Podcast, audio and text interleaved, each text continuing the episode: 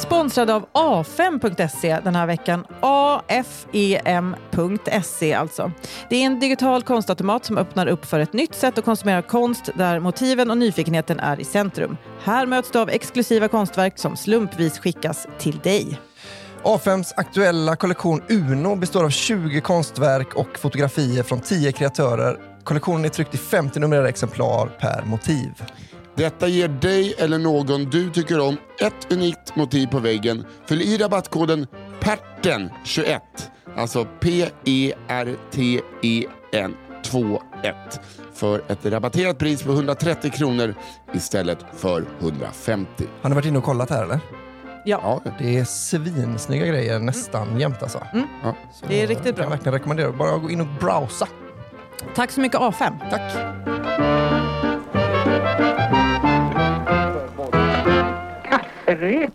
Goder fredag! Goder fredag, så säger man. God fredag och hej och välkomna och alla är glada. Solen skiner och eh, ni lyssnar på kafferepet. Avsnitt 14. 14 på spanska. Okej. Ja, jag sitter här med Johanna Hurtig Wagrell och Ja. Albin Sårman Olsson. Just Hej, hej, hej. det Nisse Hej. Hallberg, det gör du. Ja, jag såg det bara så. Ingenting. Jag Det var in, ingen big deal alls. Ingen big deal. Bara, det tog bara 14 veckor.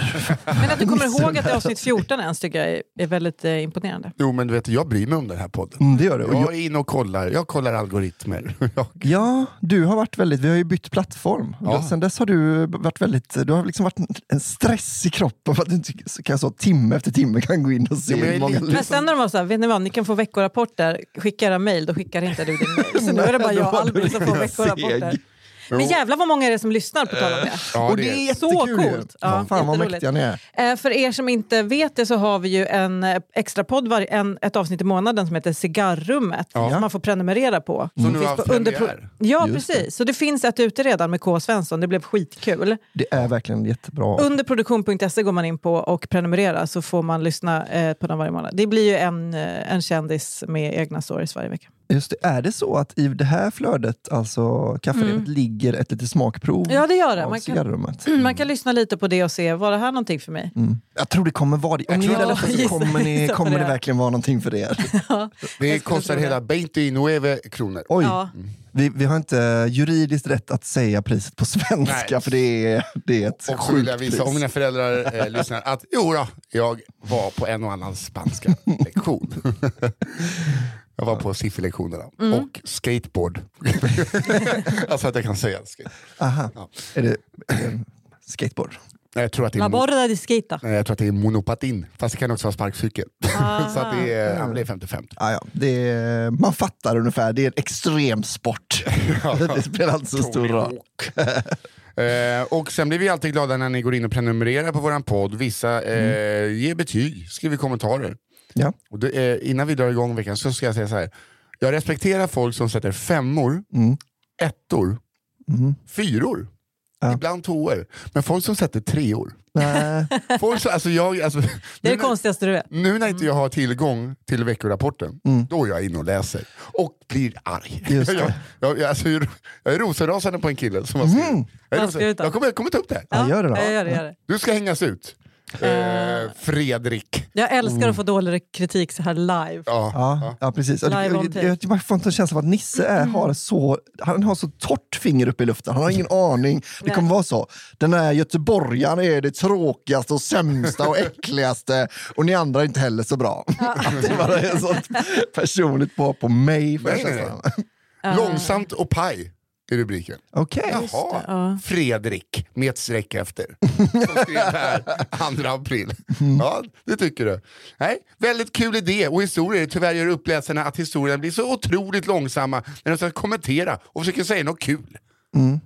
I varannan Men där mening. får vi väl där- se, alltså, där har ju Däremellan han... lite interna röster. Interna röster. Det är göteborgska. Interna? Det är skånska. Det är kalmaritiska. Det är, det är inte internt. Det är inte internt, men dialekter är ju Vad menar du med interna, alltså typ som att vi gör lite roliga gubbar som inte är roliga. Nej, men, Nej, eh, vet menar, vi får väl ge honom lite rätt, för vi var Mm. ju först att vi sa vi ska inte börja avbryta, men sen kunde vi hålla oss. Nu är det den här podden Jo, som är jag kommer inte, alltså, han, hade han satt ett av fem hade jag respekterat skiten ur honom. Men han satte en trea. Men vet du vad vi gör då? jag är inte klar. Jag är inte klar. Ja, ja. Interna skämt. Eh, eh, Tack för en väldigt bra podd. Alldeles för trökiga och interna och helt meningslösa intron. Det är inte innehåll och berätta att ni ska gå på kickoff. Hörde du Fredrik med streck efter som skrev det här 2 april? Det är det visst det. Men vänta då, har han skrivit två, han fortsätter lyssna. Ja, ja. Vet du vad vi gör då? Då, jag, då kommer jag eh, hädanefter göra så här, skicka alla stories ni har till mig, så ska jag sätta in dem i Google Translate-rösten. Så kommer det vara en sån, sen kom det en man och sa...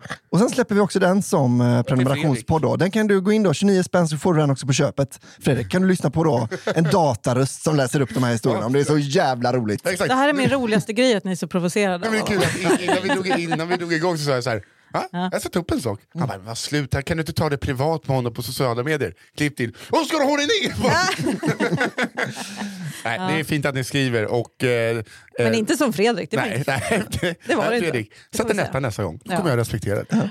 Ja. Eh, Men börja? också nu kommer, det liksom, nu kommer det sättas ettor och skrivas långa drapor. Låt Ja, oss hoppa nej, det det. Jag vet vad jag vill säga som jag också tycker är en viktig grej att komma ihåg. Eh, det här snacket som är nu, det kan man bara hoppa över. Det är bara att trycka på sekundgrejer så, Just det. så hoppar man det.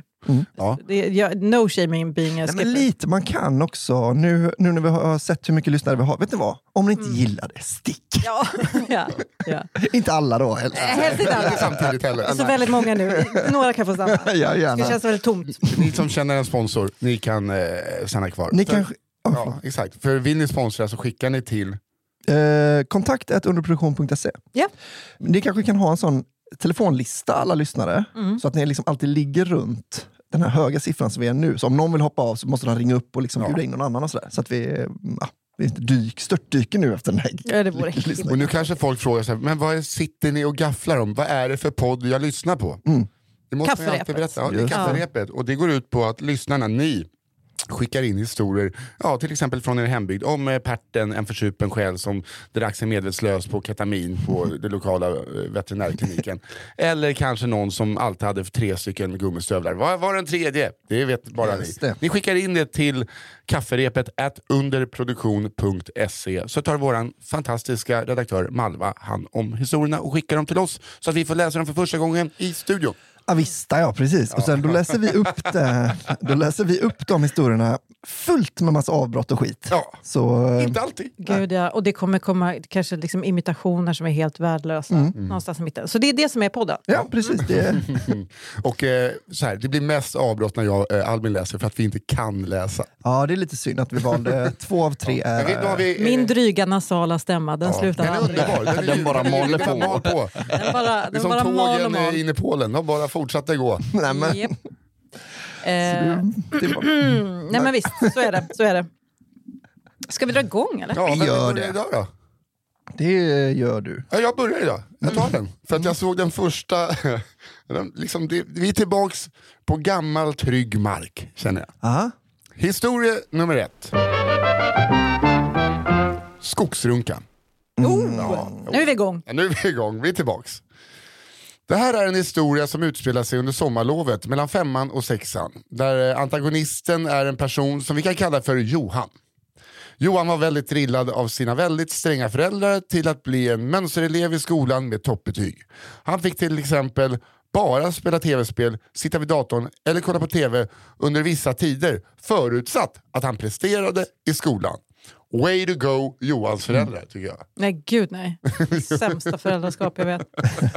Jag dömer dem. Jag dömer dem hårt. Påstår du att alla iranier är dåliga föräldrar? Oj. Vi går vidare. Backa, backa. Vi går vidare. Han var alltid prydligt klädd och betedde sig väldigt artigt och korrekt i sina föräldrars närvaro. Han var lillgammal och översocial, men eh, jag fick intrycket av att han inte hade så mycket kompisar. Ja, det är väl inte intryck och intryck. Sitter han där själv och äter en macka på rasten, då, ja, det är väl inget intryck, det är en, det är en sanning. Nej, precis. Man, för, nej, som barn brukar man ha rätt bra koll på det Ja. där. Ja. Att man så, Får jag vara med? Nej, nu får jag intrycket att inte du har så många vänner när inte vi vill vara med dig. Ja, det här vet inte, nu är jag Albin som bara försöker jävlas med Fredrik med streck. Eh, det hans föräldrar inte visste var att så fort de inte var i närheten betedde han sig som ett gränslöst jävla knasbarn.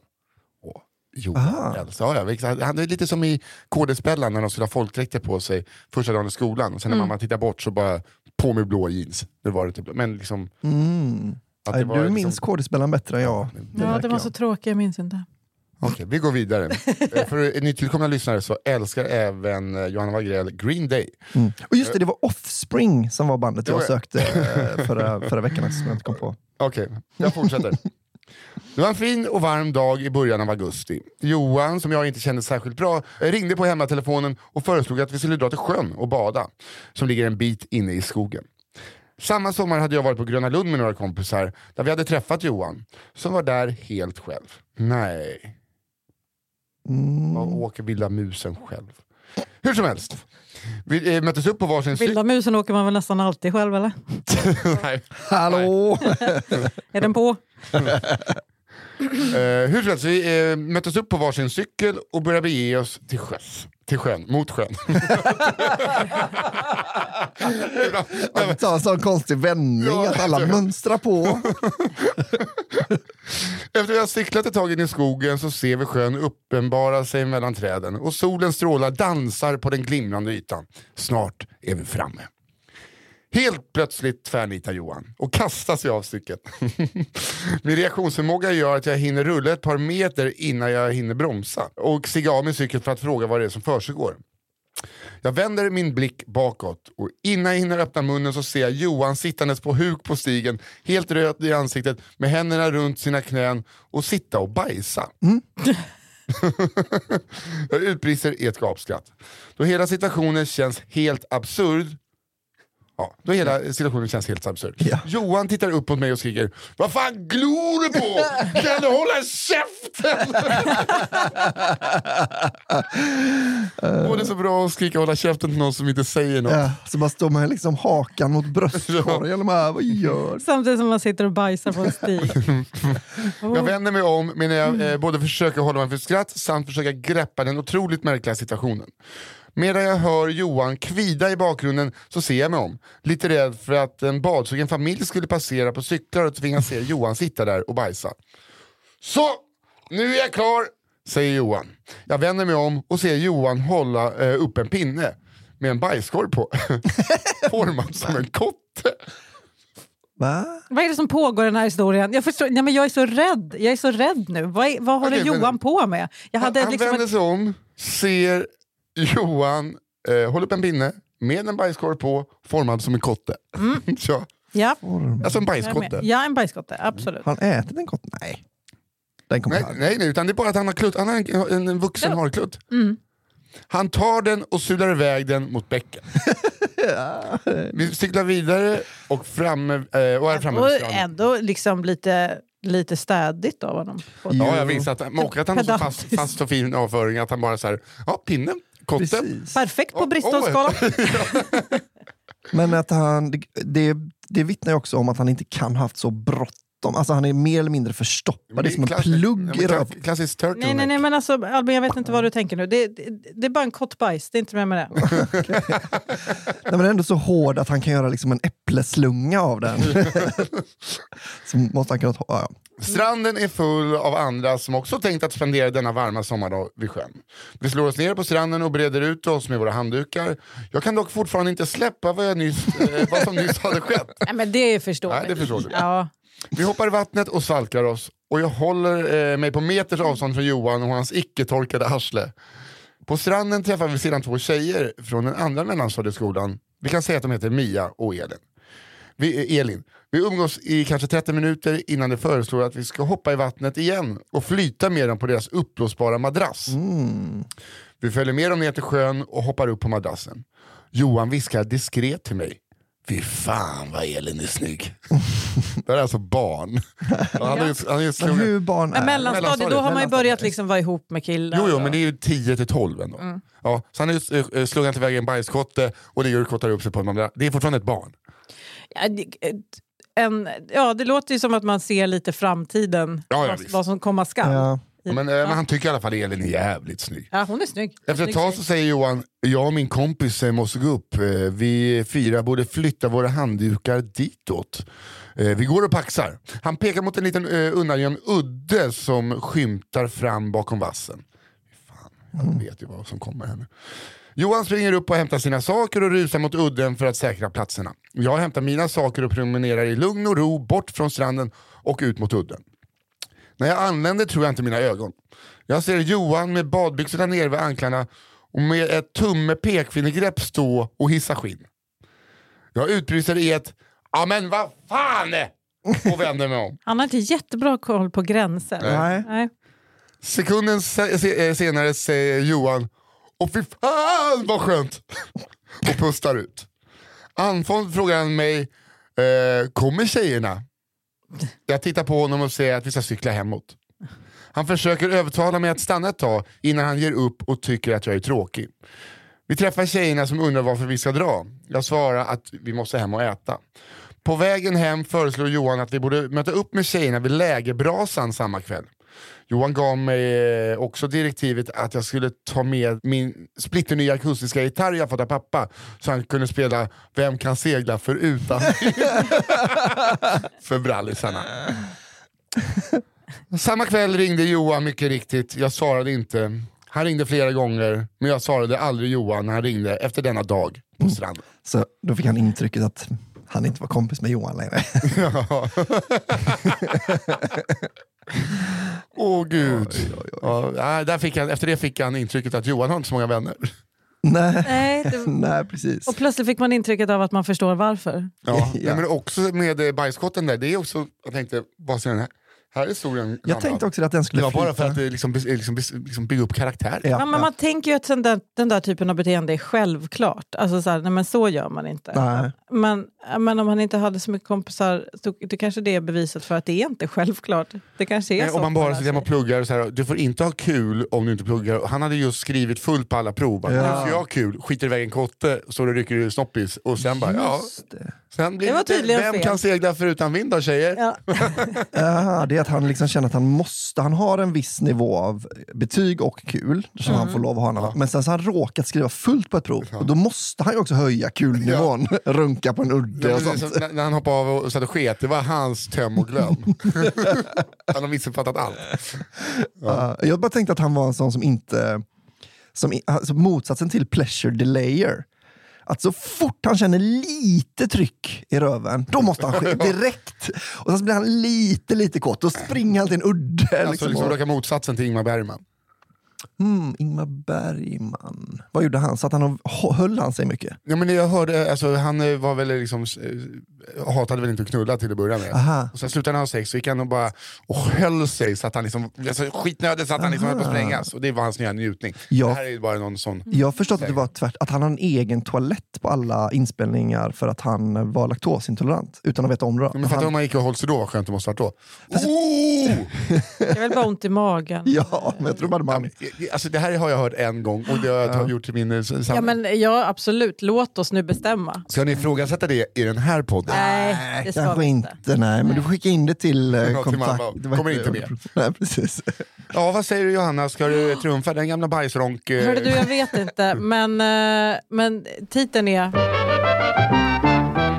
Giraff och polis. jag växte upp i en liten ort som heter Krokek på 80 och 90-talet. Den ligger nästgårds till Kolmården och således då också till den djurpark som finns där. Lilla Krokek har och hade väl precis som alla andra mindre samhällen ett par lokala historier som gick på byn. Det var den om läskige Harry, som, läskige Harry antar jag. Nej, Harry. Han heter Harry. Harry. Som klädde sig i skinnpaj och boots och bodde i en husvagn bortom järnvägen. Vi hade otrohetsdramat bland högstadielärarna där tyska läraren och samhällsläraren inte kunde hålla sin romans hemlig, även fast de var helt övertygade om att den var det. Tyskläraren hade för övrigt den värsta comb-overn jag någonsin sett. Ja, okej. Det var också den om kvinnan som alltid gick i någon form av ballettkjol och var sminkad till max, om än dåligt. Det var jag. känns som att du, Eh, den här inskrivaren har tre stories till att skicka Ja, in. men verkligen. Det känns som att det, vi kan förvänta oss mer härifrån. Ja. Sen var det också en och annan cat lady, men allt detta hör egentligen inte till det jag ska berätta. Nej, men det, det, vi förstår. Ja. Vi you paint a picture. I och med djurparkens... Ex- jag pratar mycket engelska mitt i meningar ibland, det är inte meningen. Jag, jag bara minns inte exakt ord hela tiden. Det gör Eh, och då fick jag ett mejl häromdagen där det var så här, du har fått en kommentar på din podd när en kille kallar mig för bimbo. För det. Aha, för, att tyckte ändå du, bimbo var ett kul ord. för Eller? att du slänger in engelska Ja. ord då. Då ja, Eller så vill han säga Bembo. Ja, lite Ja, taskigare på din podd. Där du, jag tänker att de Ja. flesta fallen har väl en engelsk förövare. Och off, att det liksom, du har läst mycket engelska. Ja, ja, men jag var också dålig på att översätta. Det är lathet från min sida. Man, man får hata det. det var bara, Jag tyckte bara att just ordet bimbo var, det, det var kul. Det har man inte hört på, alltså, sedan 97. Nej, precis. Mm, hur som helst. I och med djurparken, nu Fredrik, den var till dig. Eh, I och med djurparkens existens så fanns det också historier om den.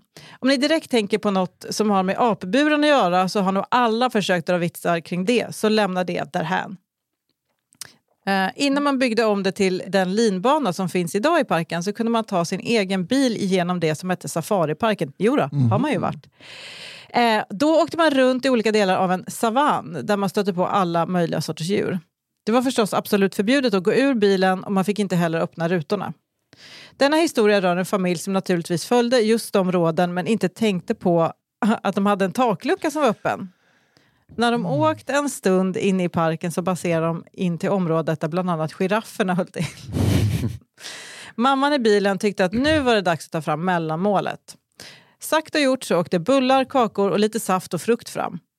Helt plötsligt så dyker det upp ett giraffhuvud i bilen. Ändå en bra syn. Eh, den hade säkert fått nos på det smörgåsbord som dukats upp i bilen och kört ner huvudet genom den öppna takluckan. Alla i bilen fick panik och visste inte vad de skulle göra för att få bort giraffen.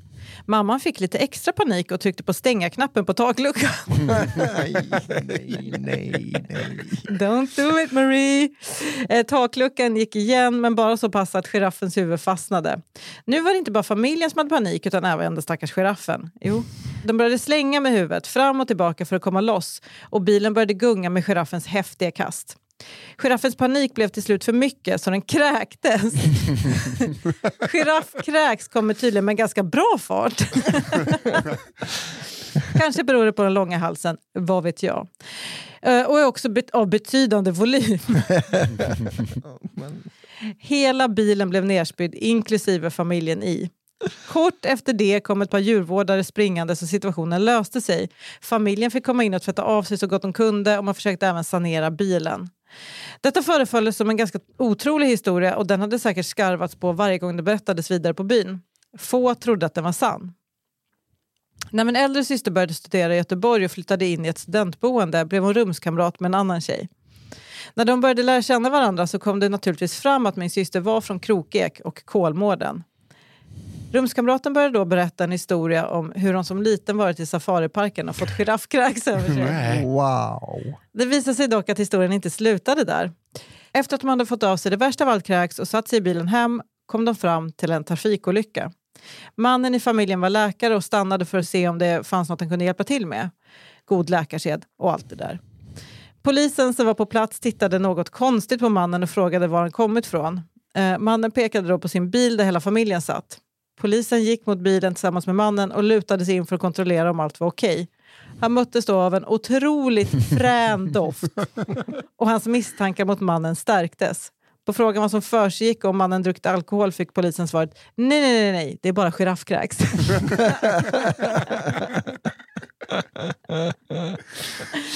Åh, toppen! Åh gud, alltså fattar du?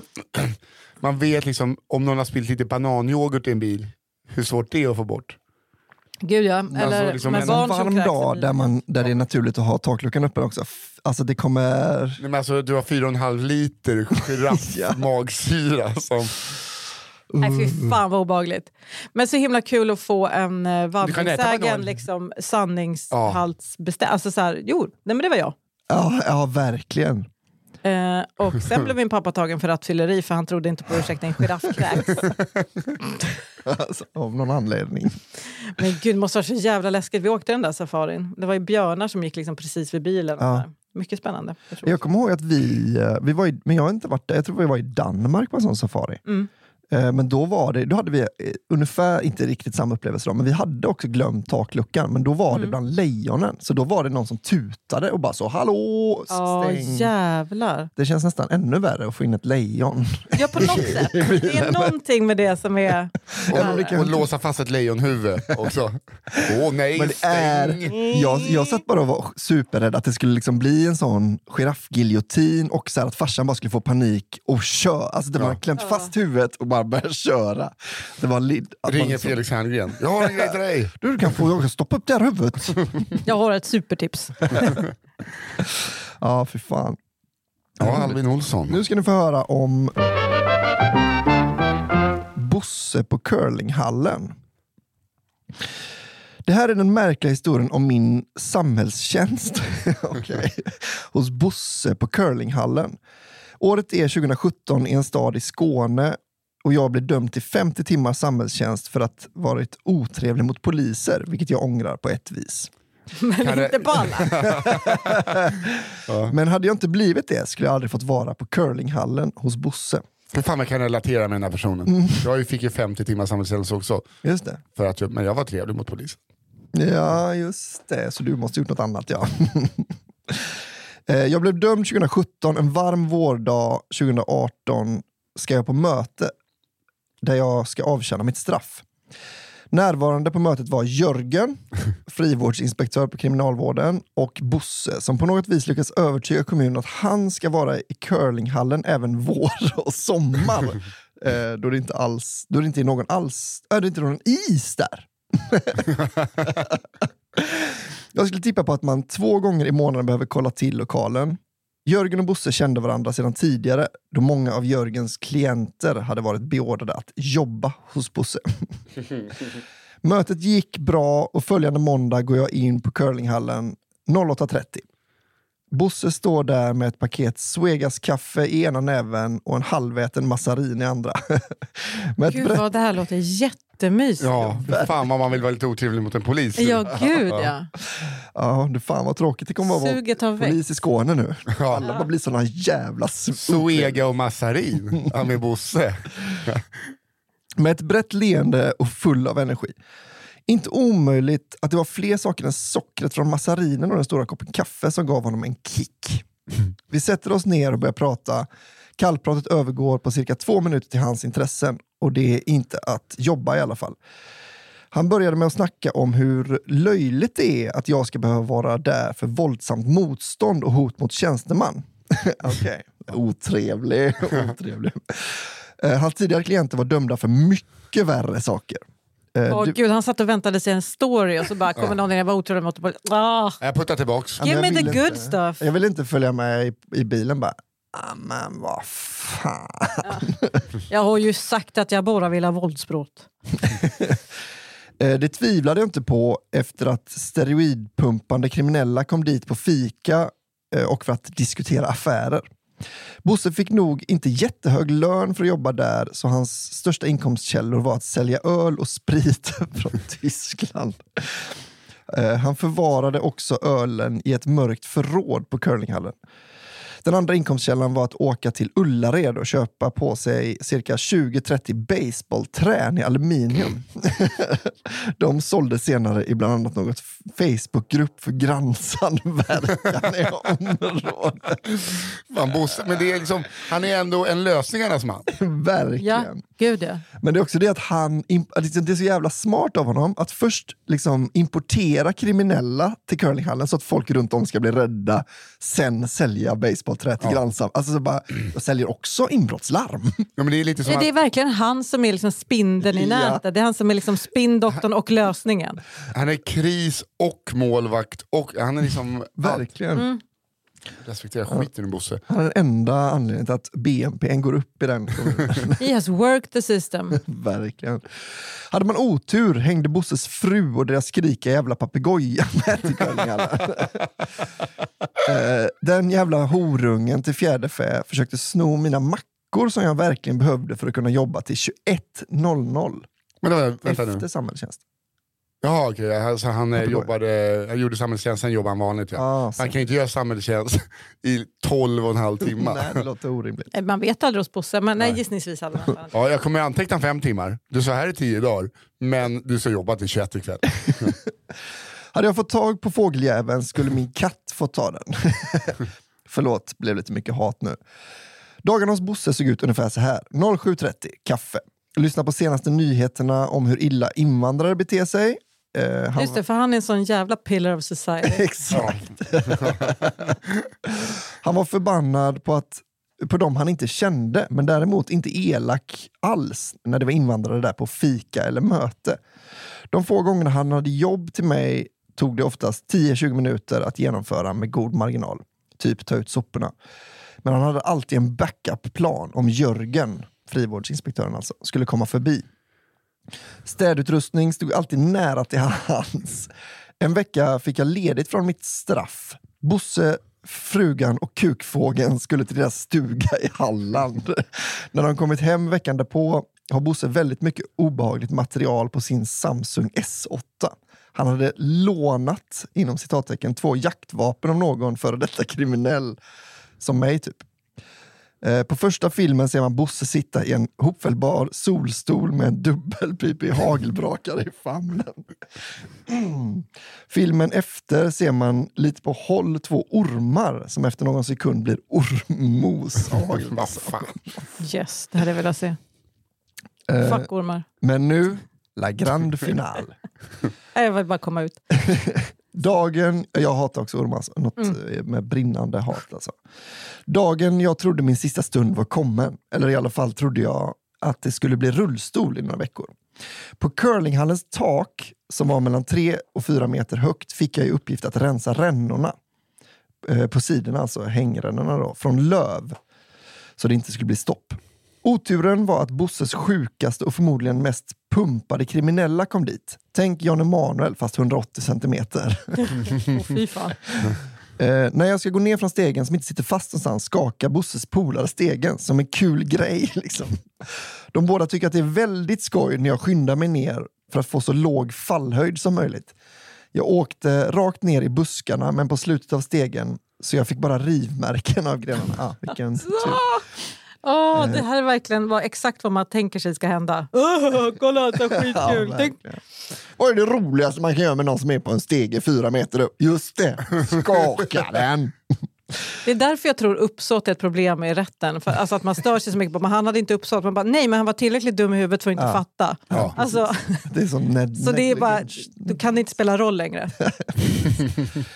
Så en liten avslutning för att summera kriminalvården i Skåne. Bland det roligaste jag haft på en arbetsplats. Fick alltid ta med mig läsk eller öl om jag ville från hans förråd. Kom Jörgen på kriminalvården tidigt och kollade läget någon dag sa Bosse, dra nu. Han kommer inte fler gånger idag. Fan Bosse alltså. Nu var det ett tag sedan jag besökte min vän på curlinghallen, men vad jag vet sitter han fortfarande nöjd under sin korkek och säljer smuggelsprit. Ja, det Toppen. Synd där med Bosse och, och rasismen kan man ändå tycka.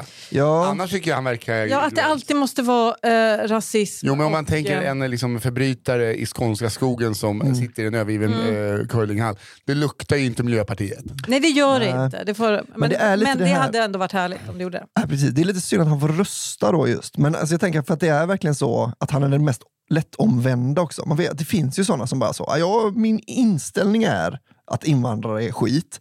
Men jag har aldrig träffat någon som är det. Att varenda gång jag träffar dem, de är alltid väldigt trevliga och snälla och så. va. Så Ja, men det är så liksom- himla klassiskt, är det Han inte skulle, det? aldrig, jo, visst, han skulle aldrig, ut, han skulle aldrig agera då på det. För han har Han inget. Bo, Bojan är ju perfekt, han är skitbra. Bojan ja! Han, eh, är två för en, han köper alltid två baseballträn när han kommer. Kanonkille. Jag fick eh, eh, faktiskt från förra veckan, Mm. fick jag av min vän. Han sa, hej, lyssna på senaste avsnittet. Vill bara meddela att telefonsvaren hos Luff visst var inspelad av tjejer. Aha. Liberala ungdomsförbundet då. Eh, som eh, det var Vad glad jag blev av gonorré det. för att du haft sex med en eh, hora. Ja. Just det. det. Det är tjejer. Några av eh, luftmedlemmarna, manliga, tyckte även att det var kul att faxa in krya på det kort till noshörningen Nelson. Då är det ju eh, helt plötsligt liksom bara lite flippiga ungdomar. Ja. Jag vet. De är lite skönare på något sätt. Ja, men, eh, jag, jag uppskattar att bli bevisad att jag hade fel. Ja, eh, alltså, jag säger ju också det direkt. Det här, det här är män. Ja, det är då. Alltså det är, liksom, det är det manligaste man har hört. Men så var det damer som gjorde det. Min eh, andra historia, historia nummer fyra. Fem gubbar och en bucket Åh, vad står det där? ja. Vad är era liksom, instinkter här? Vad tror du att det kommer handla om Johanna? Ja, men, Jag tänker att de inte vet vad en bucketlist är, drar ut det från nätet och gör det som står där på. det hade varit väldigt roligt. Ja. De bara tar någon annans, som från, från filmen Bucket List. Va? Ja. Att de sa, jag, ska upp och på, se Taj Mahal. jag ska tydligen upp på Himalayas topp. Vad tråkigt, det vill jag verkligen inte. Nej, men du vet, en bucketlist är att man slår med en tärning och om det blir nummer sex då ska man begå ett våldsbrott. Vi kör. Ja. Fem gubbar och en bucketlist. En vän till familjen och hans kompisar, ett gäng herrar i typ 50-årsåldern, bestämde sig en dag för att livet, det är för kort. De skrev helt sonika en bucketlist. Högst upp på listan stod prova droger. Mm. Det hade man nästan kunnat räkna ut. Jo, Den är väl... Visst hade gubbarna rökt braj i sin ungdom, men det räknades inte. Livet är för kort för att inte prova droger helt enkelt. Och detta Göran, detta ska injiceras annars räknas det inte. och då står det här eh, på internet att det här ska tydligen sprutas in intravenöst. Av någon anledning som inte var helt klarlagd föll valet av drog på LSD. Men det är ju den de känner till eftersom Det de skulle var tydligen vara en verksamma inom Braille. lattjo-grej. Just det, de var hippies en tiden. Det skulle tydligen vara en lattjo-grej. Gubbarna, fem till antalet, får på något vänster tag i LSD. Kanske inte jättesvårt då vi bodde i en söderförort till Stockholm. Känd för det mesta förutom finkultur och champagnebarer. Ja, Japp. Rågsved. Botkyrka. Nej, okej Rågsved. Ja, jag tänker Rågsved. Ja, jag tänker, då, då ändrar jag mig och tänker Rågsved. Jag kommer inte härifrån. Jag drog bara något i röven. Eh, nåväl, drogerna är inhandlade och en helg har de bestämt att de ska testa skiten. Sen kommer de på att de flesta har ju fruar, hemmaboende barn och hundar. Kommer de på. Jävlar! fan! Hörru, har inte du också Jo, visst har jag det. människor hemma hos dig? Och, och någonting som låter... Jag har redan glömt bort det. Det minns inte jag, men har inte jag också en fru? Jo, eller Jo. Margit, hon som alltid är hemma och tjötar på dig. Det måste vara Kallar din en fru. eh, fru talman. nej. Nej. För att inte skämma ut sig och avsäga sina planer bestämmer sig de fem för att dra ut i skärgården. Där kan de vara i lugn och ro och inte riskera att varken bli störda eller påkomna av varken fruar, barn eller grannar. Alltså jag vill säga hittills så tror jag på idén. Ja, Eller förstår ni vad jag menar? Hittills kan jag inte se... eh, just LSD. Ja, nej, alltså jag är inte så sugen på LSD just. Jag bara ser... Men de tar ändå besluten på vägen. Det Ja. enda jag kan tänka är att så gubbar i 50-årsåldern inte har den här eh, hå- hålla varandra om ryggen om LSD slår fel Nej. grejen riktigt. Att det tror jag man ska ha i Nej, det sitt är någon som, kompisgäng. det är någon som drar på sig liksom ett par jeans som hatt och springer ut i skogen och sen bara, ja, Och de andra bara, han har alltid varit en jävla jeanshatt-idiot. Jag vet inte varför han beslutade sig att göra Nej, så. precis. Sagt och gjort. De packar två tält, varsin sovsäck, ett par plattor bira och lite korv och hoppar på en skärgårdsbåt ut till en ö i Stockholms skärgård. Kvällen kommer och de sitter vid elden och har precis grillat eh, klart eh, middagskorven. Då bestämmer de sig för att köra. På given signal stoppar alla i sig en tablett. Efter typ 30 minuter börjar både land och hav förändras och gubbarna trippar rätt rejält. Allt är rätt fett. Tills en av dem skriker Men tälten! Fem LSD-höga medelålders män ska alltså i ett becksvart, eh, en becksvart augustinatt sätta upp inte ett utan två.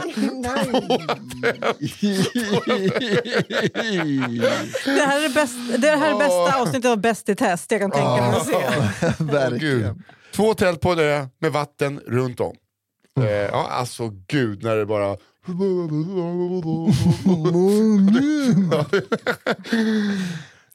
Vännen till familjen känner sig enligt egen utsago ändå oerhört nöjd med att de fick upp tälten. Tills han vaknar upp på morgonen. Tälten är inte uppe. Men har gjort ett tappert försök, eller ja, man kanske inte skulle kalla det för försök i nykter tillstånd. De vaknar efter rätt många timmar, solen steker dem i ansiktet och tälten är ett minne blott. Vad som däremot hänger och fladdrar i vinden, hjälpligt uppsatt på tältpinnar, är två sovsäckar.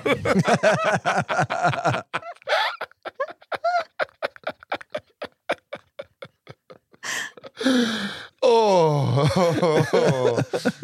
Mm. Jag, nej, men det här måste finnas som filmat material. Det är det bästa jag kan tänka mig.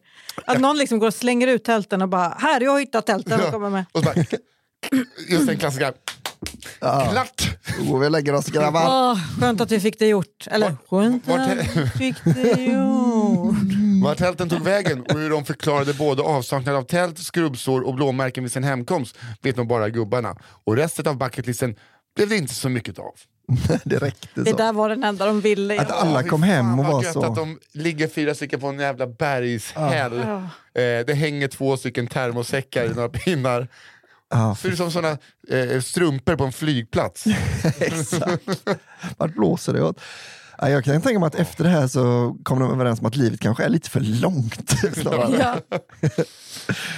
Ja, vad ja, för glada. fan vad härligt alltså. ja, gillade jag mycket. Men eh, för jag tänkte först, så, fan vad dumt, det måste de ändå förstå själva, att, inte, att åka ut och liksom omge sig med vatten om man nu ska bli LSD-hög. Sen kan jag bara att det är om man nu ska, alltså ska man dö, ska man ta LSD då är det farligt vart man än är om man inte är van då. Liksom. Ja, men det är väl lite som, jag vet inte om det är Bill Hicks som också är så här, folk tror att de kan flyga när de tagit LSD, men varför aldrig någon som har testat från marken? Just det. Nu att alla alltid ska vara på våning 36, där de bara! Alltså, vi tar hissen ner, ger ett glatt försök. Nej, det gick inte där, vi åker upp igen. Ja, man kanske måste ha lite start, så, så flygande start va? Ja, nej, det där gjorde mig Ja. glad. Jag fick Ja. jättefina bilder i huvudet. Mm, jag med. Det var otroligt. Ehm, den här har en fruktansvärd rubrik. Okej. Inget ger mig mer ångest än de här två grejerna. Grisskrik och barnskrik. Den här historien utspelar sig en sensommardag i augusti 2006 då ett ungt par med två små barn, en flicka på tre år och en pojke på sex år får den briljanta idén att bege sig till Leksands sommarland. Visste jag inte ens att det fanns. Nej. Nej. inte jag heller. Efter en lång dag med mycket bad och lek bestämmer sig den lilla familjen att ta varsin glass och bege sig till dagens sista aktivitet, barnsot. Ni vet en sån där liten inhägnad där självmordsbenägna getter och grisar vandrar runt medan barn klappar på dem. På vägen dit hade den äldre pojken ätit en stor glass och väl där var det glass runt hela ansiktet på pojken. Detta tyckte en av grisarna var väldigt oförskämt och gick till attack mot den stackars pojken antagligen för att få i sig glassen. Pojkens far, som den hjälte han är, gick in på försvar och försökte mota bort grisen. Men grisen gav sig inte utan blev allt mer förbannad. Den grisen har fått nog bara. Ja. Vilka otroliga stjärtfjädrar. Ja. Alltså för er som inte, eh, Johanna bara fastnade och kollade på en skata men och sa det ser... vilka otroliga stjärtfjädrar. Ja, men, håll och sen var det då. tillbaks i historien. Nästan som en påfågel har Ja, varit på där. ah, ja. Ehm, men gri... ja, bla, bla. Då framför ett tiotal barnfamiljer tog pappan stryptag på grisen och, och började mata slag. Nej, men herregud. Oj! Alltså han tar en sån eh, runt eh, adamsäpplet så Åh, du sätter någonstans grisejävel. Och så. En blandning av barnskrik och grisskrik fyllde luften på sommarlandet. Det såg ut som en riktig wrestlingmatch och i slutet så vann pappan. Jag är inte helt säker, men tror den grisen blev avlivad senare. Men gud Vad vad fan? hemskt! Ja, ja, för samtidigt, alltså jag har känt flera gånger, jag bara, ett steg mot min dotter and you die. Men Alltså, gå- det, gäller, det gäller alla. Åk inte och hälsa på grisen då. Det är som Nej. att de säger, ah, vad ska vi nu? Ska Och också ta, ta hos, pojken och lyft ut honom. Alltså, du vet, Mm, det är ju inte supersvårt. vi ska på ridläger hos Kapten Klänning. Ja, Ja. nej. Eh, hur, vet jag, Fan, kom igen. hur vet jag då detta?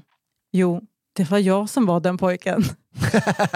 Eh, utöver detta har min far även försvarat min stora syster mot en häst som började nafsa på henne när hon låg i barnvagnen och även den gången blev det slag mot trynet. Vad fan. när han sen berättade detta för vänner blev en hästtjej förbannad på honom och sa att mulen var deras känsligaste punkt och svarade han ja, hoppas fan det. Vad fan. Ja, men vad, vad tänkte den här? Ja, det var ju lite konstigt. Ja. Alltså, när man väl ska slå en häst, Och då siktar man ju inte på pungen. man, Var sitter den då? Ja, men inte, man siktar ju inte på liksom, manken, den här stenhårda alltså, bröstbiten på ryggen. Vet ni vad jag får en känsla av?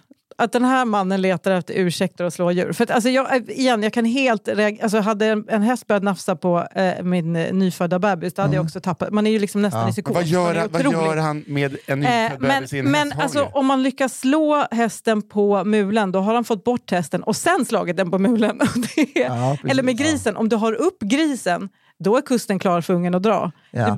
Det, det där med att mata slag, Ja. då har du, då har du tappat det. Mm. Det enda Men som jag- kan rädda det här kan är att pappa är vegan. Men- det, är det, enda som, det är det enda som kan rädda det här. Eh, alltså Ja, jag. Ja, så vi får köpa att den hade ursäkter. men jag Men tror ja. pappan har sett såna här vet, skräckfilmer där man, Ja. där man knockar eh, rånaren, eller liksom mördaren. Ja. och sen springer därifrån utan att ta kniven först. Alltså att man, Just och han bara, så, varför gör de det? Alltså när man väl har dem, då ska man bara skicka måste man på köra- tills det är färdigt. Liksom. Ja. Man måste bli klar Ja, med, med, med att bli safe. Ja, annars så liksom, det kom, de kommer alltid tillbaka och liksom hauntar den Ja, annars. men det är lite Ja. som, som i filmen när eh, den onda sk- eh, skurken ska döda huvudrollsinnehavaren och Ja. ska hålla ett tal innan. Just det. Yeah, so finally it's only you and me left, huh? Berätta hela planen och ha en väldigt långsam sån britt som åker mot en laserstråle. Bara- Det hade i och för sig höjt den här historien om pappan stod och höll uppe grisen och bara okej, så nu ska jag äntligen få slå ihjäl dig för jag har sett hur du har sprungit efter min son och jag har väntat på tiden och nu sprang du precis över det stället där jag tänkte att Och jag har ätit hela ditt jävla släktträd, vet du det? Hela släktträdet. Ja. När sanden i det här timglaset har runnit ut, då kommer den här motorsågen gå igång och Och skära av dig. Till hans försvar, han kanske är jätterädd för djur. Ja, alltså, Då är det så, kanske Till svårare. djurens försvar, ta inte in dina barn till grisar och hästar. Nej, nej. Men Nej. det, du vet, han kanske var så här, nu ska jag jobba på det här så bara gick det inte så... Nej, det är ingen KBT-kör här. Alltså. Nej. Alltså det finns ju Det är en våldsam pappa som stopar på djur. Ja, det är helt sant. Och det, det är väl det troligaste. Ja. Men sen är det också det är större risk att vara i en hästhage i, Lex, runt, i Leksandsområdet än i, på Södermalm också. Får man ju komma ihåg. Alltså att där man bor man på landet så är det Du större... behöver inte gå in Men i flytta till stan. Nej, då, inte för fan. just uh, hästhage, men det, det är mer exponering för djuren då. Ja, inte i Det får man Leksand. Ja. Nej, men, nej, men vi får nog bestämma oss för att det var lite osympatiskt. Ja, det, ja, ja, det var det Det verkligen. får vi nog. Jag det nästan det mest sympatiska min pappa någonsin har gjort var att hota ett barn eh, att han skulle trampa ryggen av dens schäferhund om den kom närmare. För att vi hade då en egen hund som liksom var väldigt väldresserad och så stod det en sån stor jävla schäfer och skällde på den. Och då sa han bara, om hunden kommer närmare då trampar jag ryggen av den. Och för de som inte har träffat Albins pappa, han trampar ryggen. Han hade gjort det. ja. Men det där är, jag kan bara se det hända. Nu är jag plötsligt road igen. Och det är också kul att vi har fått en kommentar, så här, eh, fyra av fem, underbar podd, men om det är eh, liksom våld mot djur och sånt så får ni gärna ha en disclaimer innan. Nu kommer den efter. Mm. Aha, det Men- har stått det? Ja. Men våld mot djur, Sorry. alltså jag menar en, ett njur, en njurbox kan ju inte räknas. Det är väl mer att man stryper dem med hopprep och Ja, sånt. de menar. Nej men djurvåld, alltså det, jo, men det är en del sånt här. Jag mår Jo. också dåligt av det. Ja. Vi går Men, vidare. men. Vi äter skiten. Ja, Ja. vissa av oss. Eh, Vadå, gör inte du det? nej, jag är vegetarian. Okej, här kommer Råka. Jag, Jag tänkte, vad har hänt senaste veckan? Vem har... eh, jag vet inte om den här personen, då, fyra av fem personen, eh, kan ta någon ledning av rubriken här. Men... Kaninkatastrofen kommer här i alla fall, då, så du kan väl skippa fram lite då. Ja. Det här är en berättelse från en kollega som han i sin tur har fått höra av en bekant som faktiskt upplevt den. En snubbe, låt oss kalla honom Max, hade gått med på att vakta och ta hand om en barnfamiljs boende med diverse djur medan familjen åkte iväg på semester i några dagar. Sagt och gjort. Max bodde där under den tiden och sista dagen innan familjen skulle komma hem så hade han som vanligt släppt ut hunden en stund. När han sedan skulle få in hunden gick han ut och ropade efter den. Ingen hund kom. Han ropade igen och igen och till slut kunde han se hunden komma på håll. Men den höll något vitt i munnen. Vad fan kan det vara för något, tänkte han. När hunden kommit fram till honom släppte hunden vad den hade i munnen framför Max. En vit kanin. En väldigt död vit kanin. Vad fan ska jag göra nu, tänkte Max. En vit kanin är inget man hittar liksom i naturen. Nej, nej, precis. Han har gått till närmsta trollkarl och snott den. Joe Labero kommer sättande. Min hatt är tom! Vad ska du göra i Vegas? Ja. Och när jag såg att isär min fru, vad ska jag göra sen då? Tom hatt! uh, hur ska jag kunna förklara för familjen att hunden tagit och dödat en av deras kaniner? Och vad skulle barnen säga? Han såg dem framför sig i tårar och jag, han ville inte ens tänka på det. När han funderat en stund kom han på det. Jag lägger in kaninen i en av kaninburarna och låtsas att den dött utan min vetskap. Det måste ju funka. Så gjorde han också och senare åkte han hem och lämnade gården på eftermiddagen för familjen skulle ändå komma hem senare på kvällen. Dagen efter ringde det i telefonen. Han kunde se att det var fadern i familjen som ringde. Han hann tänka ett starkt obehag för att svara i telefonen med tanke på det som hänt kaninen. Kunde samtalet handla om något annat? Max svarade efter pinsamt många signaler. Jo, det var familjefadern som ringde och frågade om allt hade gått bra. Jo då, svarade Max, som han tänka att eh, jag måste ju försöka hålla masken här eh, och köra på historien om kaninen, om den kom på tal. Då säger familjefadern att det hänt en så besynnerlig sak under tiden de varit borta. De hade funnit en död kanin i en av kaninburarna. Jaha, ja, det var ju tråkigt, svarade Max. Eh, Allt hade ju verkat stå rätt till när han lämnade, sa han. Familjefadern fortsatte. Jo, det är nämligen så att den här kaninen hade dött bara någon dag innan vi åkte på semester.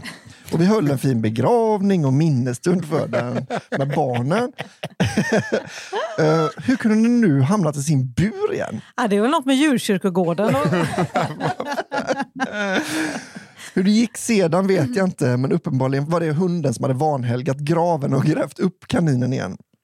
Ja, så kan det gå när man har lite otur. Ja, det kanske inte var så farlig jul. Nej, det var inte gud. Ja, men det är också väldigt kul. att man bara, nej men det har gått bra. Ja, för att eh, det var, alltså, vår vita kanin eh, gjorde närmanden på min, min, min dotter igår så att jag tog ett strypgrepp och sopade ihjäl den. Så vi var tvungna att begrava den. Nej, så jag vet inte om det här är någon, någon sån sjuk eh, liksom, grej, någon sån maffiasignal du försöker skicka till min dotter. Här. Men det är, uppskattas inte alls att du lägger döda kaniner i våra burar. Har du något djur jag kan ge mig på? Åh. Du, den där hunden ska jag boxa nästa gång. Min eh, tredje historia då. Den här var lite längre, men eh, så får det vara ibland. Dropkick Freddy går ner för räkning. Dropkick Freddy. Här kommer en av alla stories från en vanlig svensk småstad.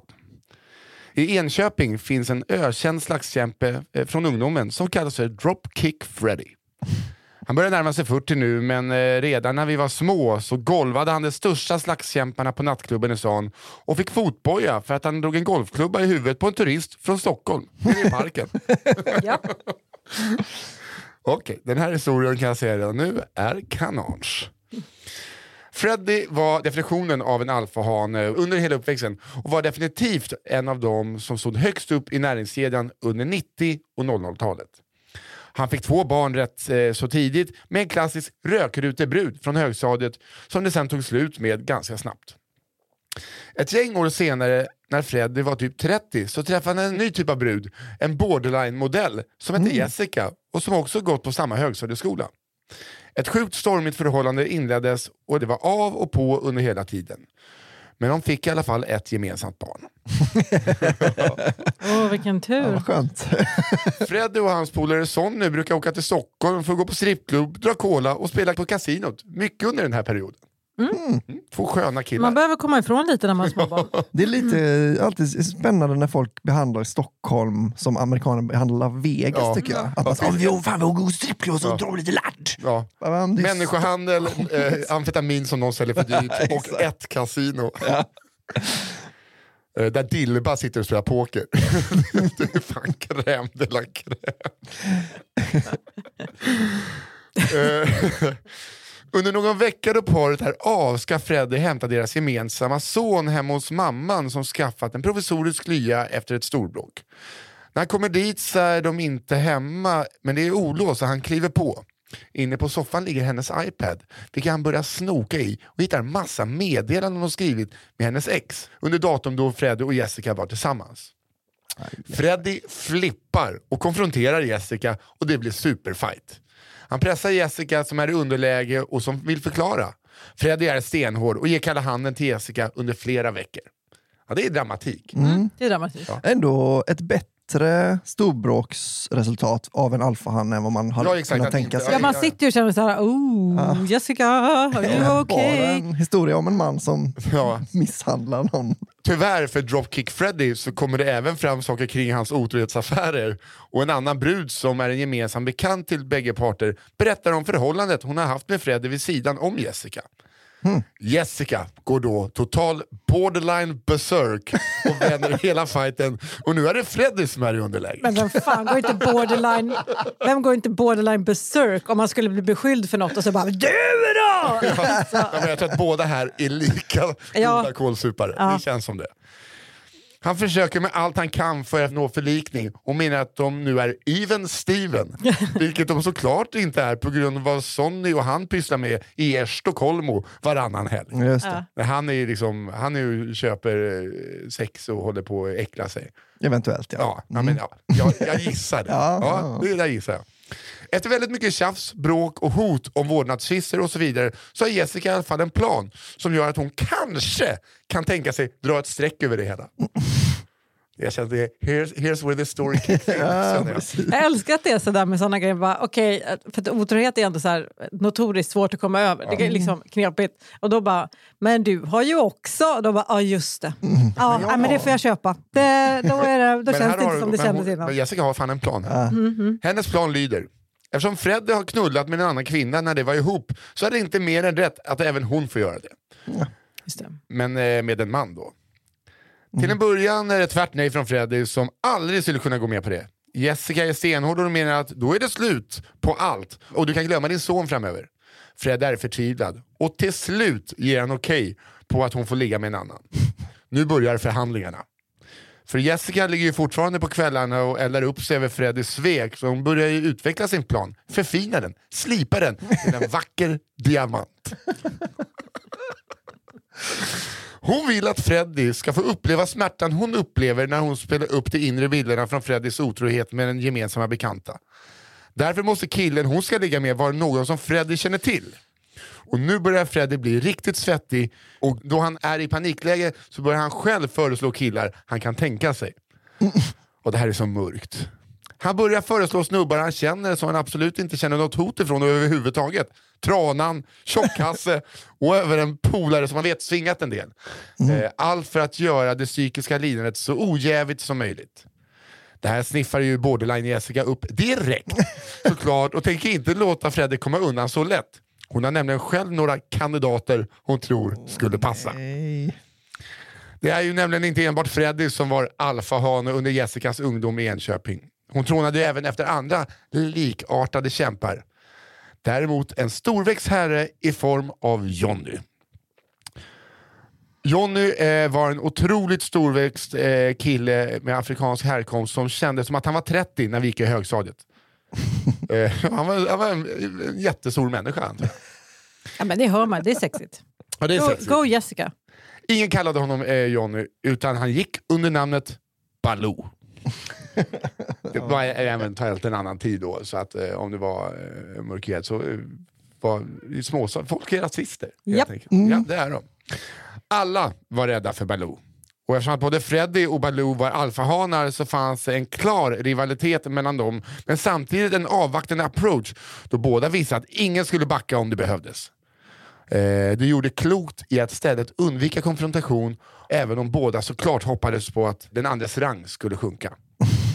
Turligt nog för Freddy så hände just det när Baloo åkte dit för en massa skit och skickades iväg på ungdomsanstalt. Flera år senare kom Baloo tillbaka till Enköping för att landa i stan innan han åkte in på en ny dom och hamnade på Tidaholmsanstalten ett gäng år. Okej, det här är inga småbrottslingar känner jag. Nej.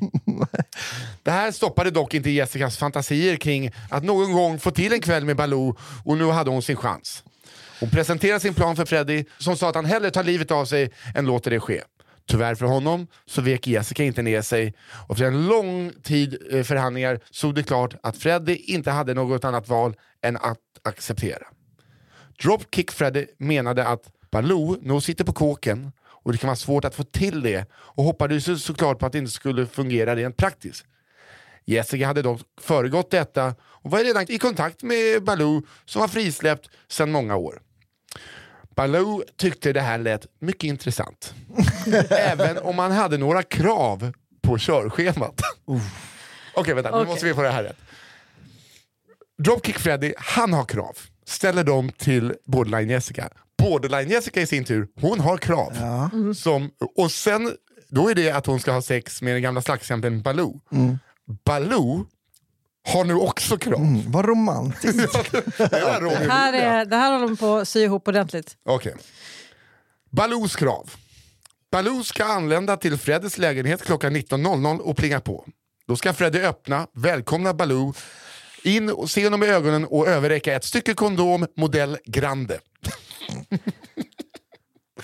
Jessica ska ligga redo i det nedsläckta sovrummet. Fredrik ska följa med in i sovrummet där han ska slå sig ner i en fåtölj i ett hörn. Baloo visar sig eh, vara något av en inredningsdesigner och har redan varit på Rusta sedan tidigare och valt ut en rottingfåtölj som Fredrik ska köpa in. Det börjar bli dyrt. Men också, Det, det börjar framförallt bli mörkt på en nivå som jag har svårt att hantera. vänta nu, så att då ska han sitta i en rotting... Var, rotting, för att då hör han om det knakar. Så om han liksom, så här, nu jävla sopar jag på Baloo, då hör han det. Man Just hör att man sitter tyst. så, ja. Det, jag tänker att det är så kul Men jag om... tycker det är lite synd om Jessica här. Alltså jag tycker Jessica hade ju liksom en bra poäng med så här, okej det ska vara tillbaka kaka. Ja. Och då vill ju hon ha ett nice romantiskt möte med en, en kille som hon tycker är sexig. Hon vill ju inte bli hämndknullad framför sin kille. Alltså så här, det här är liksom Nej, inte hennes ja, man, vet inte, man, vet inte vem grej som, längre. man vet inte vem som eh, leder den här Nej, det är fighten. många olika... Jag tänker mig också att Baloo har då direkt, han, han får smset från henne så, tja, eh, vi- skulle du vilja hjälpa mig och, och Ge igen på hem- Freddy, ge igen ja. på, på Dropkick Freddy? Ja, här är mina krav. Att han har dem kopierat, han har liksom dem i De är ut- laminerade uppsitt- uppsatta på kylen sedan att han länge. alltid har dem i utklipp på mobilen, så han bara behöver Ja, klistra det här är inte in första gången han är med om en sån här grej. Ja, då går det till så här. Ja. Men i alla fall, han ska köpa in en rottingfåtölj som, eller som Fredrik ska köpa in. Ja. Så han ska öppna dörren, eh, dela, eh, säga så välkommen, ge en eh, liksom, stor kondom för att visa på jag har större penis än du. Eh, sätta sig eh, där tjejen ligger i sängen. Sista kravet Baloo har är att Freddy skall runka i fåtöljen. Vad har den här podden blivit? jag vet inte, men jag tror att jag gillar det. Om hela Jessica och Baloos planer gick igenom förtäljer inte historien. Men om man sluter ögonen så kan man nästan se hur Baloo bestiger Jessica likt Empire State Building och Dropkick Freddys gråtande ögon när han hissar skinn i hörnet. Snipp, snapp. Jag skulle gissa på att Jessica inte gick med på det. Det känns inte... Vadå, blev rottingfåtöljen för mycket? Ja, gud ja. Va- Var det där du drog gränsen? Nej, men gränsen går väl vid när man känner, aha, okej, men nu handlar det inte om mig. Nej. Alltså hon vill ju naturligtvis att det ska handla om henne, inte att han ska vilja hämnas på Ja, Freddy. precis. Det blev. Poängen är ju att hon också ska få ett äventyr. Mm. Alltså också få är- känna den här liksom, pirriga känslan och allting. Inte ligga redo som en jävla... Nej, det är sant. Det är sant. Eh, och att... Eh, Hon vill väl bli raggad Men på. kan det inte vara så att Baloo också här någonstans, eh, att han, eh, han försökte köpa sig fri? Alltså lite Ja, som så här, när man ska få ett företagskrig. Mm. Ja, vad ska du ha? Jag vill ha 100 000. Ja men det löser vi. Ha, ja, nej, nej, men då I vill jag... guld! Ja. Ja. Med att han bara, Inte då detsamma. ska, Jo, men jag menar att de måste också köpa in guld. då ska Dropkick Freddy eh, eh, vara där. Du vet, man, han har försökt köpa sig fri. Och bara, Mm. ah, ja men då gör vi så. Ja. Ja. Ja. Okej. Nämnde jag ska- rottingfåtöljen? Den, inte den billiga, den dyra. Han ska, ja, han ska runka också. Han ska, han ska faktiskt runka också då. Ja, nej, men det är lite så. Vi försöker rädda förhållandet så att Jaha. Jag tror att det är Baloo och Dropkick Freddy som ska ligga lite med varandra. Mm, det känns nästan Ja, så. det är homoerotiskt. Men jag tänker, för jag är lite så, man är lite orolig att hon ser chansen försvinna. Att hon vet att det här är den perfekta tillbakakakan. Det är ju Baloo. Och att säga, okej, men jag kanske måste gå med på den här skiten för att, liksom, för att det ska bli av överhuvudtaget. Att hon då börjar säga, ah, fuck it då, jag får väl, det här får väl vara din grej då, Baloo. Det är lite som när, när det är kn- eh, knarkgängsmöte i Snabba Cash på Anders Lekland här. Man fattar ingenting. Nej, fatt, var, varför, är ni, varför gör ni så här? Ja, det är så onödigt ja. Vart är det mycket barn? Ja, nej, eh, Ja, jag ja. blev eh, lite, ja. Man börjar ju känna, fan vad livet är bra ändå. ja. Ehm, Okej, här är också en lång. Då kör vi. Monstret Lindeberg. Monstret! Det är Eh, så jävla hemskt. I en svensk småstad arbetade jag för många år sedan som vårdbiträde inom hemtjänsten. Bland de många brukare och deras anhöriga som man kommer i kontakt med genom jobbet är det framförallt ett par i 80-årsåldern som vi kan kalla för Hasse och hans fru Birgitta, som jag fortfarande minns idag, ibland med glädje och ibland med skräck. Birgitta var en rund, snäll och försynt liten gumma som gärna ville bjuda på kaffe och kakor fem gånger om dagen. Hasse var nära nog två meter lång och vägde en bra bit över 100 kilo, utan att vara nämnvärt överviktig. Hasse var gravt dement men var i övrigt vid god hälsa och med bra fysik. En kombination av egenskaper som brukar vara svårhanterlig. Jo. Eh. Birgitta, som var fullt frisk, vårdade sin man utifrån förmåga och hemtjänsten hjälpte framförallt till med Hasses mediciner. Det var nu inte bara till fysisk form och minnesförmåga som de båda makarna var varandras motsatser, utan de var även temperamentsmässigt väldigt olika. Hasse hade en förmåga att brusa upp, inte så att han blev våldsam eller direkt hotfull mot Birgitta eller mot oss i personalen, men mot alla möjliga reella och imaginära yttre hot. Mm. Det primära hotet var Lindeberg. Eh, en man vars gärning som kommunpolitiker under främst 50-talet var vida känd i den lilla stan. Nej, men det här blev så mysigt nu. Lindeberg var en omtyckt lokal profil som tyvärr var sedan länge avliden. Hasse missade aldrig en chans att förolämpa, förtala eller i allmänhet surt muttra om denne Lindeberg. Birgitta försökte vid dessa tillfällen lugna Hasse genom att erbjuda en extra kaka eller till och med en pilsner, vilket kunde avleda tankebanorna i några minuter innan Lindeberg åter upptog Hasses fokus. Det var bara det han gjorde. Ja, när han ställer ner ölglaset så... Åh, det där var gott. Men också Den där lilla jävla svinet. En kompis vars eh, släkting också blev dement som i slutet bara låg och bara “den där jävla devalveringen 86, Vad fan skulle den vara bra för?”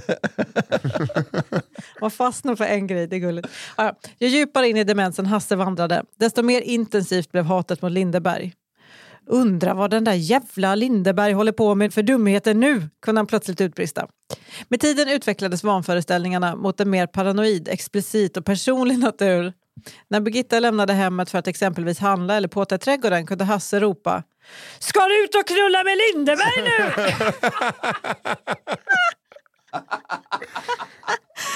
Åh.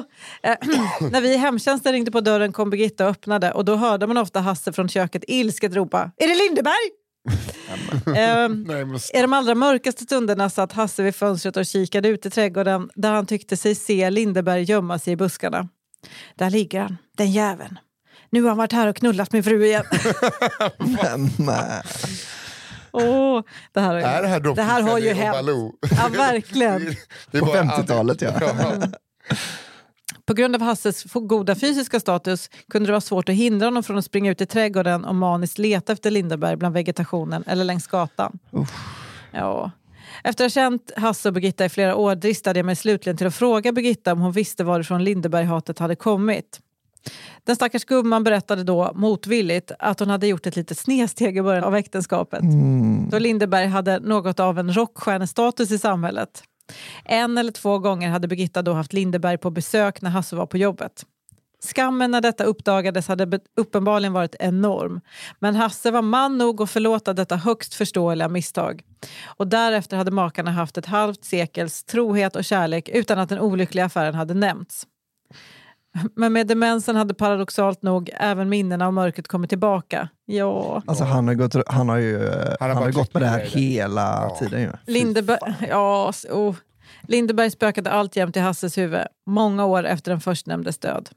Till slut erbjöds Hasse en plats på demensboende då hans ökande rymningsbenägenhet gjorde det osäkert för honom att bo kvar i hemmet. Birgitta erbjöds att flytta in tillsammans med Hasse på boendet men detta tackade hon med eftertryck nej till. Ja, men det får man väl Tackade han nej? förstå. Nej, hon tackade Jaha. nej. Det var kul, och han bara, nej tack. Du kan Ingen vara jävla min- Lindeberg älskare! och, nej, men det är just det där med demens, det kommer ju upp grejer som man bara hållit ner. Liksom. Jag, minns, men jag vill inte, behöver inte säga exakt men mina släktingar, den ena ehm, hon eh, började bara käka jättemycket godis, hon hade varit så jätteasketisk. Hon käkade bara godis. Den andra, det var bara porr överallt hos henne. liksom. Ni vet att det är så här, man bara håller ner en grej hela livet, men sen när man blir dement då kommer det komma upp till Ja, ytan. det. Nej, för det är det som är så hemskt då, jag tänker hennes, eh, från hennes perspektiv, att hon då fattar att han har bara gått runt, han har Ja, gått runt och knutit näven i fickan i 50 år Ja. för hennes skull. Det är Liksom. kärleken. Ja, det är det fan. med. Ja, det är det. Men också så här att eh, han hade varit här en eller två gånger. Det är två minst. Men det måste, jag tänker, har ni sett den 50 first dates med Adam Sandler? Att man får Drew Barrymore. eh, Ja, Ja. Drew Barrymore, ja. kanske, ja. Eh, att man får chansen att liksom, han, han- hon har ju också chansen att säga så, vet du vad? Vet du vad jag har fått för nyhet idag? Han är död. Lindberg. Alltså man hade, Han hade blivit jätteglad varje dag då för det. Om man hade glömt bort det. Liksom. Ja, du menar så. Han är död. Jaha, när han, ja, nu är jag med vad du menar. Ja. Ja. Ja. Ja, Du har en kvar ja. Jajebus. Det har varit är lite jag. annorlunda historia idag. Det har varit mer, eh, alltså det har inte känts lika... Vi gick ut hårt med bajs men sen har det varit Jo, jag lite att mindre det, bajs. inte, liksom, att det är mer bara så här, från det vardagliga livet, alltså Ja. på något sätt. Mm. Ja. Det har inte behövt vara något sånt fin- finligt slut, utan det är lite demens och det är Dropkick Freddy och det är... Ja. Ja. Mm, ja, jag tycker det är... Ja, det- jag tycker det är lite mysigt. otroligt. Man får verkligen en bild av det riktiga Sverige. Eh, här kommer då eh, dagens sista historia. Som heter Tågvärds-Bengt. Jag är lokförare och kör pendeltåg på en ort i Sverige. Och jag skulle vilja berätta om Bengt. Bengt är en 75-årig tågvärd som har spenderat sitt fulla liv på järnvägen. Många vet att denna man har varit med om ett flertal händelser under sin tid som tågvärd. Mestadels för att det är svårt att få honom att hålla käften när han väl har börjat prata. Det finns bevis bakom en del av hans berättelser, likt den uh, utklippta nyhetsartikeln upphängd på kontoret med rubriken Tågvärdssheriffen. Han med ena eh, foten på ett säte då, lite så Hoppas. saloonigt. Eh, den berättar om hur en kvinna hade fått sin handväska stulen på tåget och vid nästa hållplats hade tjuven sprungit iväg. Hack i häl sprang Bengt med ruskig fart. Tågvärds-Bengt, som var mycket yngre då detta skedde, brottade ner tjuven och lämnade tillbaka handväskan till kvinnan och tåget lämnade endast 17 minuter försenat efter denna intensiva jakt. Det är så jävla kul Snyggt Bengt! att de också är, det är så jävla fett då. Okej, 17 minuter, där någonstans går min gräns för hur länge jag kan tänka mig att försena min arbetsplats. Brydda om tider. De, de vet att de måste bjuda på kaffe i bistrovagnen och sånt, Exakt. annars om det är en halvtimme. Vet. du. Är du efter 20 minuter, då kan vi bli återbetalningsskyldiga till 50% av priset. Kom igen Bengt, kom igen! Ja, ja! Eh, Jag ska berätta en till historia om tågvärds-Bengt som skedde när jag själv körde tåget. En resenär kom fram till Bengt och sa med tystlåten röst Det går inte att spola på tågets toalett. Bengt följde med resenären och provade att trycka på spolningsknappen utan resultat. Naturligtvis, för det var väl det Ja. resenären hade provat förmodligen. Äh, du har rätt! Ja, varför skulle jag ljuga om detta? När Bengt i efterhand... Man kanske tänkte att du inte har, du har inte det rätta knycket. Nej. Nej, så kanske Det, vad fan, det är Kabojsa-Bengt ju. Mm. Ja, det är sant. We knows how to flush a toilet. Ja, Han, han, han spolar toaletten snabbare än sin skugga. När Bengt i efterhand berättade detta för mig så uteslöt han inte hur dåligt resenären verkar ha varit i magen. I vilket fall så öppnade Bengt ett skåp i rummet som hade både kranar och knappar för att reglera vattentryck och för att kunna resetta toaletten. Här Framf- kommer den. Här ja, kommer den. framför, Bye-storyn. Ja. framför sig såg Bengt en knapp med ett stort R på. Självklart betyder detta reset, tänkte Bengt. Han hade ju lärt sig detta på alla utbildningar man går igenom som tågvärd. Men halvt senil som Bengt är så glömde han att denna knapp faktiskt bety- stod för reverse. En knapp som finns för att verkstaden som fixar tågen ska se att vakuumtoaletten funkar som den ska. Bengt tryckte på knappen och förstod direkt sitt misstag. Då toaletten började ge från sig ett konstigt ljud. Han sprang ut med resenären medan den illaluktande substansen regnade ner omkring. Detta tåg har nu luktat illa i tre månader och resenären har vi aldrig sett igen.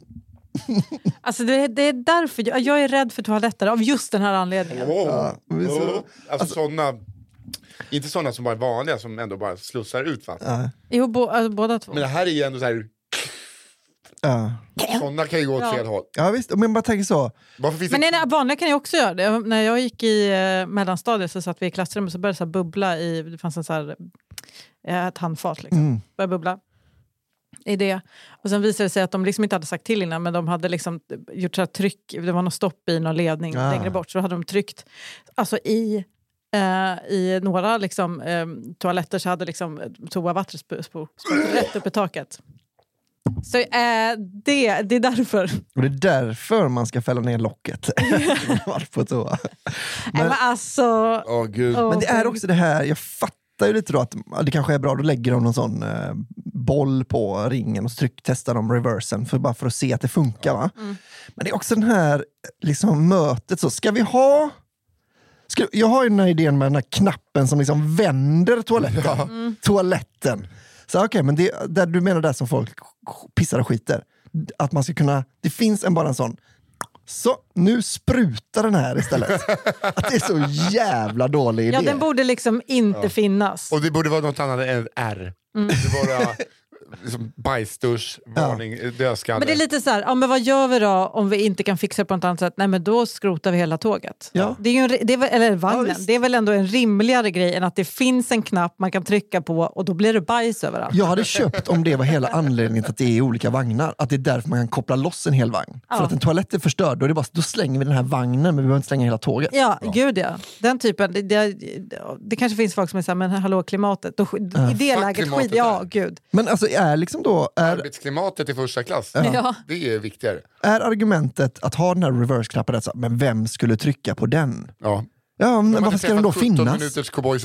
Exakt. Nej. Här har vi en kille som inte Reset. tänker inte två gånger när han jagar efter en brottsling. Yes, I, stud I studied the English in school. Reset. Reset.